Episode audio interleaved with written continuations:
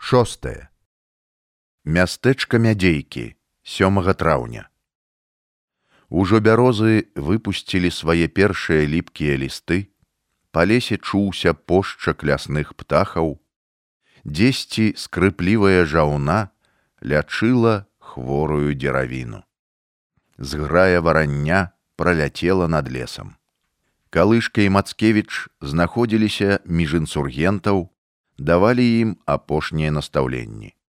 Ксёнз прачытаў малітву сашчапіўшы пальцы гледзячы ў блакіт неба у голас попрасіў езус хрыстус дай нам сілу ў гэтым змаганні показаліся падаў сігнал інсургент. Наступаюць падрыхтавацца да бою голас у баляслава спакойны упэўнены. Ён хацеў каб упэўненымі ў сабе былі і змагары падпусціць іх як мага бліжэй каб былі добрабачныя і толькі потым страляць. Паўтараю яшчэ раз без маёй каманды агонь не адкрываць. Майор мерлін кіраваў авангардам. Яму і даручыў генерал ганеўскі быць наперадзе. Жаўнеры ішлі па адкрытай мясцовасці ў поўны рост, не ведаючы, што інсургенты знаходзяцца на ўскрайку лесу і чакаюць іх. Баляслаў загадаў тым, хто будзе ў першым радзе, наламаць бярозавага галля і замаскіравацца. Калышка пільна назірае за ланцугом авангарда Мерліна, пакусвае нервова губу. На ўзгорку затаіліся вопытныя стралкі. Падпусціўшы як мага бліжэй, першым страляе селянінка сінер роман залейскі. На зямлю падае першы расійскі салдат. Следам за раманам страляюць паплечнікі. Мерлінаўцы адказваюць, страляюць трапныя салдаты. Схіліў на зямлю галаву адзін інсургент, за ім другі, трэці яшчэ да гэтага рашылі з даленгам з лесу не высоўвацца, не атакаваць праціўніка на голым месцы. Колькі баляслаў стрымліваў сябе, каб не даць каманду ісці ў атаку, строга выконваў загад даленгі. А можна ж было імгова наскочыць на карнікаў, сакрушыць іх рады і назад у лес. Але тое, што бачыць вока, яшчэ не довад ці прычына на злом галавы кінуцца ў вір. Салдаты бліжэй ужо не падыходзілі, стралялі адтуль, дзе спыніліся.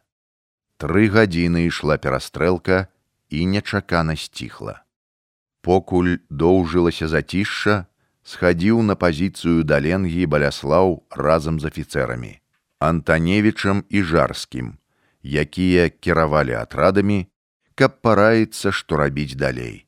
Адступаць, каб заняць лепшую пазіцыю, перагрупавацца ці застацца на месцы. Даленга і сам не ведаў, што рабіць у гэтай сітуацыі, але параіў яшчэ заставацца гадзіну-дзве на сваіх месцах. Адзінае, што напрошвалася, дык гэта памяняць правы ланцуг стралкоў, бо могуць іх атакаваць у іх не вельмі зручная пазіцыя. Атрад ксяндза Антона Мацкевіча знаходзіўся тым часам у іншым месцы, пад фальваркам гудзмеркі. Вырашылі, калі ён папоўніць атрад новымі інсургентамі, адразу далучыцца да асноўных сілаў. У баі здабылі каля 30 штуцараў, і таму льга было сфармаваць яшчэ адзін атрад і адразу ж рушыць на падмогу калышку і серракоўскаму. Атака салдатаў для інсургентаў не была нечаканай.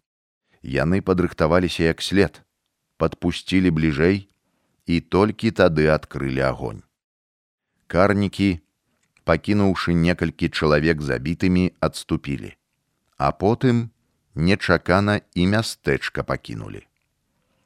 Нешта было незразумелае ў паводзінах генерала ганеўскага.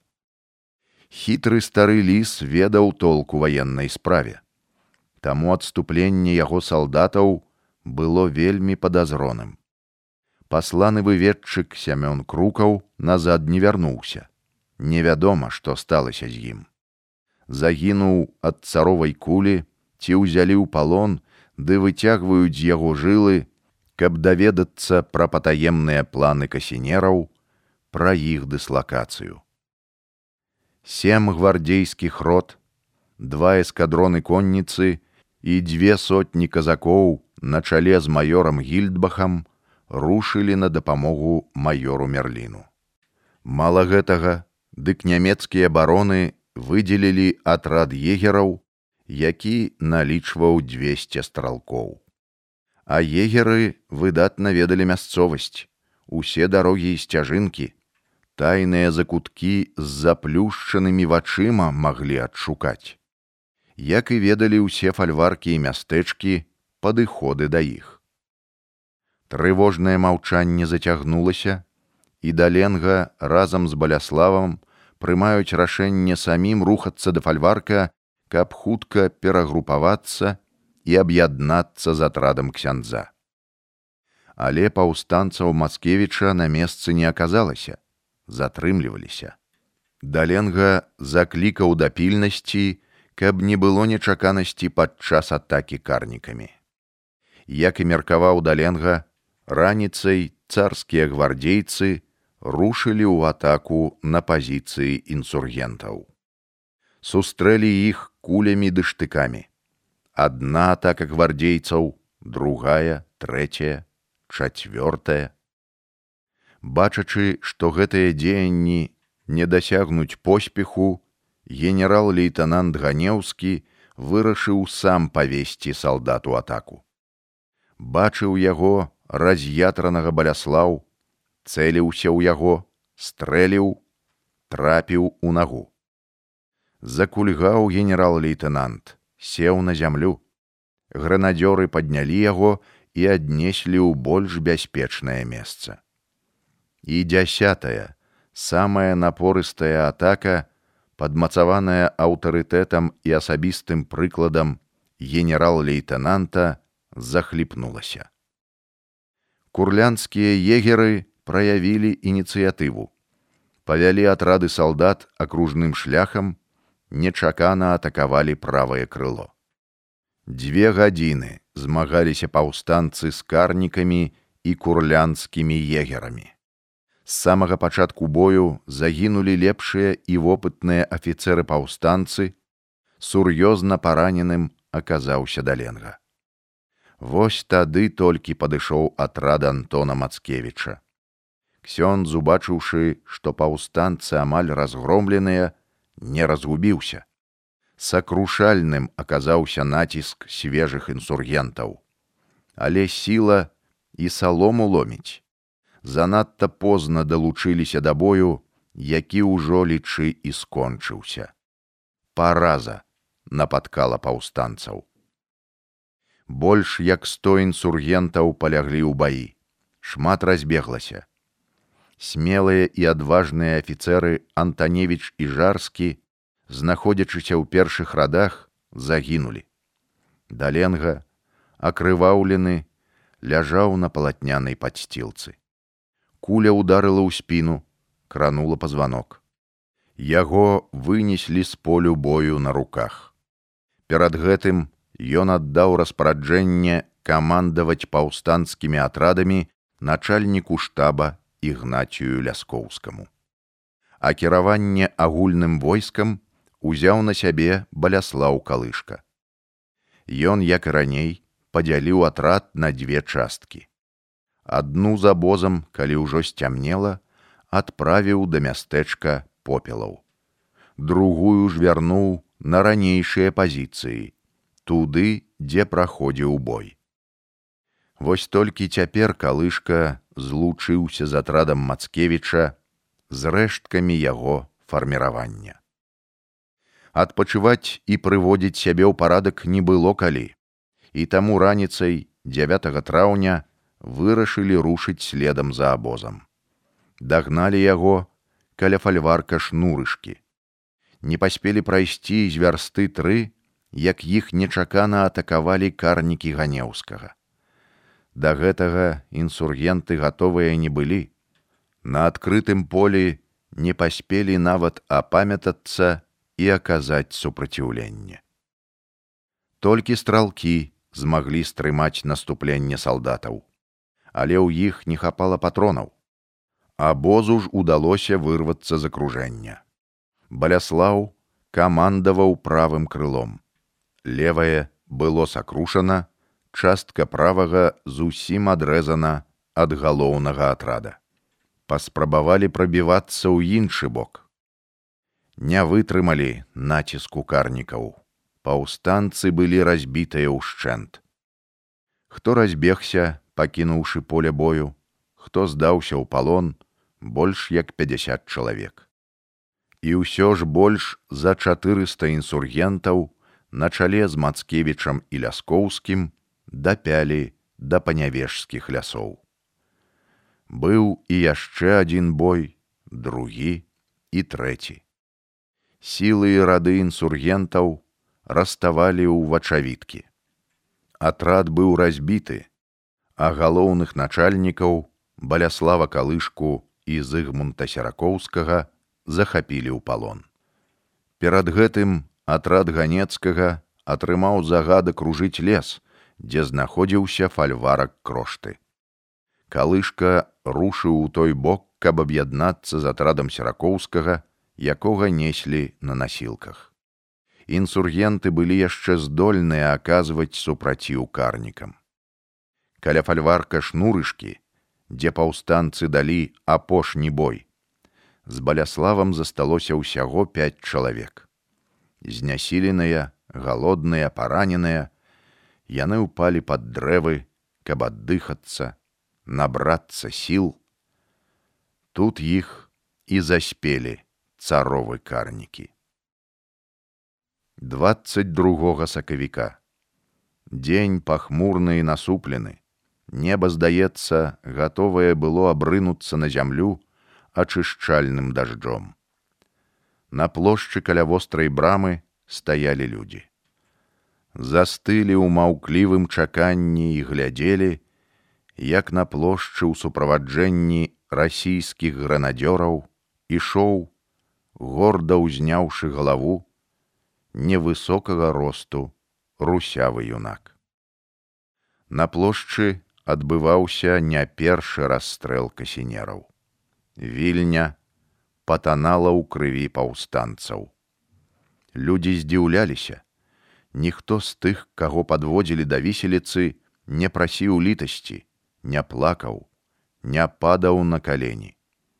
На грудях асуджаны на смерць трымаў правую руку, пераплёўшы два пальцы, указальны і вялікі той, хто бачыў гэта, ведаў, што тое азначала.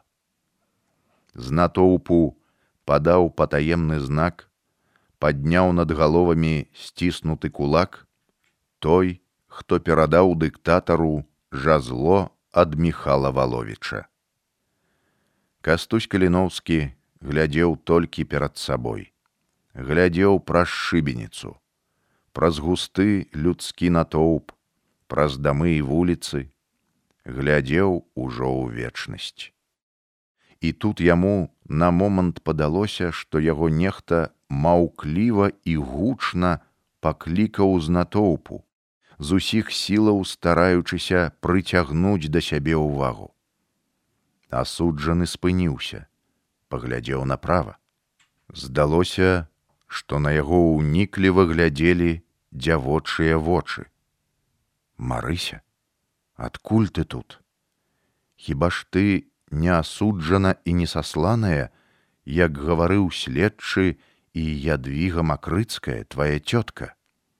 Ці гэта зусім і не ты? Позірк пакутліва і настойліва шукаў сярод соцень вачэй родныя абрысы твару і блізкія вочы. Але ён ні на адных не мог засяродзіцца і спыніцца нешта перашкаджала ці замінала. Але як толькі ён убачыў твар под белым капялюшыкам, павязаны па абадку чырвонай стужкай, які прыветна горка усміхаўся, у каліноўскага ёкнула соладка шчымліва сэрца.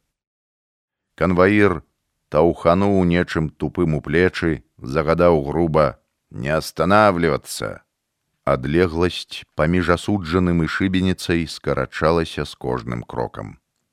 Бывай, мой народе, узняў дыктатар правую руку, не расшчэпліваючы пальцы. Няхай цябе мяне пятля расійскай шыбеніцы. Шлях мы вам показалі і вызначылі. Мы верым, што недарэмна аддалі за вас свае жыцці. Узышоўшы на памост, асуджаны абвёў позіркам наваколле і людзей. Сэрца па-ранейшаму заходзілася ад хвалявання. Марыська, галубка моя чарнаброва. Няўжо гэта ты сярод людзей стаіш. З натоўпу выпырхнуў белы бы снег голуб, узляцеў у неба. Адляцеў да вострай брамы, некуды да будынкаў, вярнуўся, пачаў кружляць над галавой каліноўскага, лапочучы крыламі, а потым паляцеў уверх, вышэй дамоў і здаецца вышэй аблокаў і знік у паднябессі. Той, хто чытаў прыгавор, стараўся вымаўляць словы гучна і пагражальна, каб пачулі ўсе ў натоўпе. Да смяротнай кары праз павешанне прыгаворваецца дваранін Вкенцій Канстантин Каліноўскі.